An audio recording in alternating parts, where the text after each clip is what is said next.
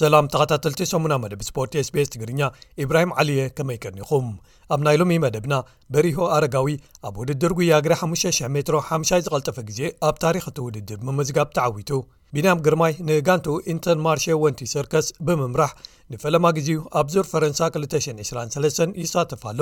ነዚ ምኽንያት ብምግባር መደበር ዜና ቢቢሲ ሰፊሕ መደብ ብዛዕባ ቢንያም ኣዳልያ። ንቕድድም ብሽክለታ ናብ ነብሲ ወከፍ ሃገር ኣብ ኣፍሪቃ ከምጽእ ይኽእል እዩ ክብል ኣሰልጣኒኡ ነበር ጂያን ጆክ ሄንሪ ገሊጹ።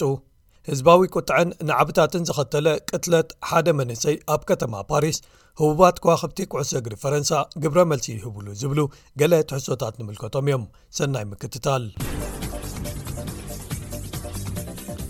ኢትዮጵያዊ በሪሁ ኣረጋዊ ኣብ ውድድር ጉያግሬ 500 ሜትሮ ሓምሻይ ዝቐልጠፈ ግዜ ኣብ ታሪክ እቲ ውድድር ብምዝጋብን ንሻምፕዮን ኦሎምፒክስ ኡጋንዳዊ ጆሽዋ ቸፕተገይ ብምቕዳምን ተዓዊቱ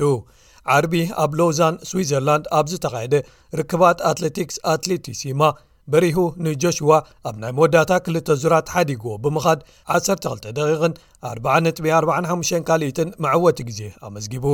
እዚ ወዲ 22 ዓመት ቅድሚ ክልተ ዓመት ኣብ ኦሎምፒክስ ቶክዮ ኣብ ውድድር 1,00 ሜትሮ ራባዓይ ወፂኡ ነይሩ እዩ እንተኾነ ግን ንሱ ኣብዚ ውድድር ነቲ ቅድሚ ሰለስተ ዓመት ክብሪ ወሰን ዓለም ዘመዝገበ ጆሽዋ ፈጺሙ ክቐርቦ ብዘይምድላይ ክሳብ 50 ሜትሮ ፍልሊ ብምፍጣር እዩ መዛዘም መስመር ዝረገጸ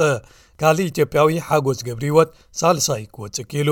ኣብ ውድድር 3000 ሜትሮ መሰናኸል ደቂ ኣንስትዮ ኢትዮጵያዊት ሰምቦ ኣለማዮ ካልይቲ ወፅያ ወናኒት ክብሪ ወሰን ዓለም ዝኾነት ኬንያዊት ብትሪስ ቸፕኮወች ዓብላልነታ ኣብዚ ውድድር ብምቕጻል ቀዳመይቲ ክትወፅእ እንከላ ኡጋንዳዊት ፔሩዝ ቸሙታይ ከኣ ሳልሰይቲ ከም ዝወፅእት ተፈሊጡ ኣሎ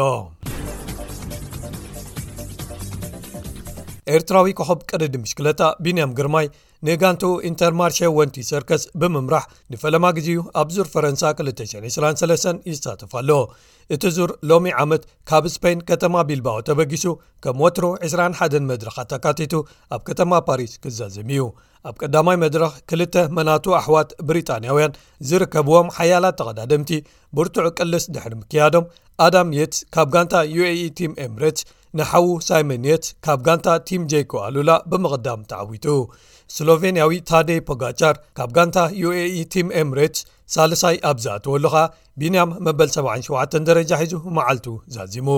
ንጽባሒቱ ኣብ ዝተኻየደ ካልኣይ መድረኽ ቅድድም ፈረንሳዊ ቪክቶር ላፋይ ካብ ጋንታ ኮፊደስ ክዕወት እንከሎ ቤልጂማዊ ፉት ቫናየርት ንታደይ ፖጋቻር በሊጹ ካልኣይ ክኣቱ ክኢሉ እዚ ዓወት ንጋንታ ኮፊደስ ኣብ ዓሰርተ ሓሙሽተ ዓመት ንፈለማ ግዜ እዩ ቢንያም ኣብ መበል 128 ደረጃ ውድድሩ ክዛዝም ክኢሉ ክሳብ ሕጂ ተኻይዶም ኣብ ዘለዉ ክልተ መድረኻት እምባር ኣዳም የትስ ብሓፈሽኡ መሪሕነት ክሕዝ እንከሎ ታደይ ፖጋቻርን ሳይመን የትስን ብቐረባ ይኽተልዎ ኣለዉ ቢንያም ኣብ መበል 93 ተርታ ተሰሪዑ ይርከብ ፖሊስ ፈረንሳ ንኣልጀርያውን ሞሮካውን መበቆል ዘለዎ ወዲ 17 ዓመት መንእሰይ ናሄል መርዙቕ ድሕሪ ምቕታሎም ኣብ መላእ ፈረንሳ ክበሃል ይከኣል ቁጥዐ ህዝቢ ስለ ዘኸተለ ንዓብዪ ዕግርግርን ዝምታን ተፈጢሩ ስለ ዘሎ ኣዳለውቲ እቲ ዙር ቅድድማቱ ኣብ መሬት ስፐይን ወድዩ ናብ ፈረንሳ ገጹ ኣብ ዝቐረበሉ ስግኣታትን ስክፍታታትን ሓዲርዎም ከም ዘሎ ተፈሊጡ ኣሎ እዚ ከምዚ ኢሉ እንከሎ ግን ኤርትራዊ ቢንያም ግርማይ ንቕድድም ብሽክለታ ናብ ነብሲ ወከፍ ሃገር ኣብ ኣፍሪቃ ከምጽእ ይኽእል እዩ ክብል ኣሰልጣንዩ ነበር ዣን ጆክ ሄንሪ ገሊጹ ክትብል ቢቢሲ ኣብ ዘዳለወቶ ንቢንያም ዝምልከት ሓደ መደብ ኣስፊራ ወዲ 23 ዓመት ቢንያም ዝሓለፈ ዓመት ኣብ ዙር ኢጣልያ መድረኻዊ ዓወት ድሕሪ ምምዝጋቡ ቀዳማይ ኣፍሪቃዊ ኣብ ዓብዪ መድረኽ ዓለም ወይ ግራን ቱር ዝተዓወተ ብምዃን ታሪክ ክሰርሕ እንከሎ ቅድሚ ሒደት ሰሙናት ከኣ ኣብ ዙር ስዊስ ኣብ ካልኣይ መድረኽ ተዓዊቱ እዩ እቲ ዝበለጸ ህሞተይ ኢሉ ዝገለጾ ናይ ጂሮ ዲኢታልያ ዓወቱ ኣብ ቦኽሪ ተሳትፍኡ ብምንባሩን ንነዘርላንዳዊ ማቲው ፋንደር ፖወል ብምቕዳም ብምንባሩን ድሙቕን ነጥበ መቐይሮን ክኸውን ገይርዎ ንቢንያም ቢንያም ኣብ መሰልጠኒ ማእከል uሲኣይ ዓለምለኻዊ ሕብረት ቅድዲ ምሽክለታ እንከሎ ኣሰልጣኒዩ ዝነበረ ዥን ጆክ ሄንሪ ኣብ ሓፈሻዊ ምድባት ክዕወት ኣይክእልን ዝብል ግምት እንተሓዘ እኳ መድረኻዊ ዓወታት ግን ከመዝግብ ይኽእል ኢሉ ብኣፍቀርቲ ቅድዲ ምሽክለታ ግኑን ስለ ዝኾነ ዓወት ኣብ ዘመዝግበሉ ምሉእ ኣፍሪቃ ክሕጎሰሉ እዩ ክብል ወሲኹ ፍሉይ ተቐዳዳማይን ቮላቲሳ ወይ ሓያል ኣብ ምፍንጣስ ኢሉ ድሕሪ ምግላጹን ንኣሹ ዓቐበታት ሰጊሩ ፈንጢሱ ክወፅእ ወይ ቮላታ ከጥቅዕ ፍሉይ ቅርፂ ኣካል ዝሓዘ እዩ ክብል ንቢንያም ብፍሉይ ገሊፅዎ ፍሉይ ክኢላ ዓቐብ ብዘይምዃኑ ግን ኣብ ዓበይቲ ኣኽራናት ብቑዕ ኣይክኸውንን እዩ ኢልዎ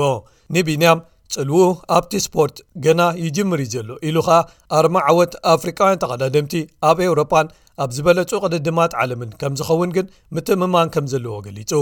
ቢቢሲ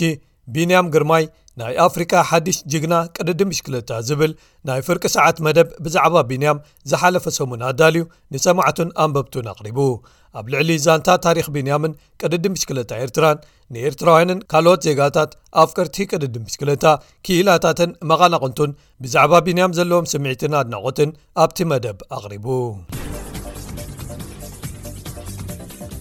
ኣብ መወዳእታኻ ክቡራት ሰማዕትና ዝሓለፈ ሰሉስ ፈረንሳዊ ወዲ 17 ዓመት መንሰይ ናሄል መርዙቕ ኣብ ናንቲየር ዝተባህለ ምዕራባዊ መንበሪ ከባቢ ከተማ ፓሪስ ሕግታት ትራፊክ ጥሒስካ ተባሂሉ ብፖሊስ ካብ ዝቕተል ንድሓር ፈረንሳ ንሓያሎ መዓልትታት መመላእታ ኣብ ዕግርግር ትርከብ ሓደ ኣብ ማሕበራዊ መድረኻት ዝተዘርግሐ ናይ ትክስተት ቪድዮ ዝተባህለ ክልተ ኣባላት ፖሊስ ነታ ንሱ ዝዝውራ ዝነበረ መኪና ደው ከብሉ እናፈተኑ የርኢ ሓደ ካብም መሳርሒኡ ናብቲ መራሕ መኪና ብመስኮትታ መኪና ገጹ ከቕንዓሉ ድሕሪ ምጽናሕ ብቐረባ ተኲሱሉ ናይዚ ግብረ መልሲ ህዝባዊ ናዕብታት ኣብ ሓያሎ ከባቢታት ከተማ ፓሪስ እተላዒሎም ናብ ካልኦት ከተማታት እውን ልሒሞም ኣለዉ ብኣሻሓት ዝቝጸሩ ተወሰኽቲ ሓይልታት ፖሊስ ከኣ ኣብተን ከተማታት ተዋፊሮም ይርከቡ ዝሓለፈ ዓመት ክብሮ ወሰን ዝዀነ ዓሰርተ ሰለስተ መቕተልታት ፖሊስ ንመራሕቲ መካይን ብጥሕሰት ሕግታት ትራፊክ ደው ምስ ኣብልዎም ድሕሪ ምፍጻሞም እዚ ናሄል ዝተቐትለሉ ኣብ ተመሳሳሊ ኩነታት ኣብዚ ዓመት ንኻልኣይ ግዜ ዘጋጥም ዘሎ እዩ ጸብጻብ ኣልጀዚራ ፖሊስ ፈረንሳ ዝስምዖም ናይ ዘይተሓታትነት መንፈስ ክዕረ ወይ ክእለ ኣይስራሓሉን እዩ ዘሎ ዝብል ኣመላኻኽታ ብህዝቢ ከም ዘሎ ኣመልኪቱ ድሕሪ እቲ ክሰትን ብቕልጡፍ ዝተፈጥረ ቁጥዐ ህዝብን ናዕብታትን ካብ ፕሬዚደንት ፈረንሳ ኢማኑወል ማክሮን ክሳብ በዓል ኪልያን እምባፐ ዝኣመሰሉ ህቡባት ስፖርታውያንን ግብረ መልሲ ፈጢሩ እዩ ማክሮን ናብታ ኣብ ገማግም ማእከላይ ባሕሪ እትርከብ ከተማ ማርሰይ ምብጻሕ ኣብ ዘካየደሉ ዝነበረ እዋን ሓደ ዕሸል መንሰይ ተቐቲሉ ከተመኽንየሉ ዘጸግምን ይቕረ ዘይባህሉን እዩ እዚ ክሰት መላእ ሃገር ኣለዓዒሉ ኣሎ ድሕሪ ምባል ንቤተሰብ መዋቲ ክብርን ጽንዓትን ተመንዩ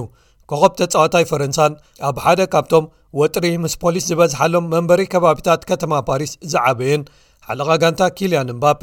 ነታ ናተይ ፈረንሳ ይሓዝነላ ዘይቅቡል ኩነታት ኩሉ ሓሳበይ ናብ ቤተሰብን መቕርብን ናሄል እዩ እዚ ንእሽቶ መልኣኽ ኣብ ዘይግዜኡ ተመንጢሉ ክብል ብትዊተር መልእኽቲ ኣመሓላሊፉ ተጻዋታይ ኤሲ ሚላን ዝኾነ ካልእ ፈረንሳዊ ማይክ ማይንያን ብወገኑ ጥይት ናብ ርእሲ ሓደ ሰብ ምትኳስ ኩሉ ግዜ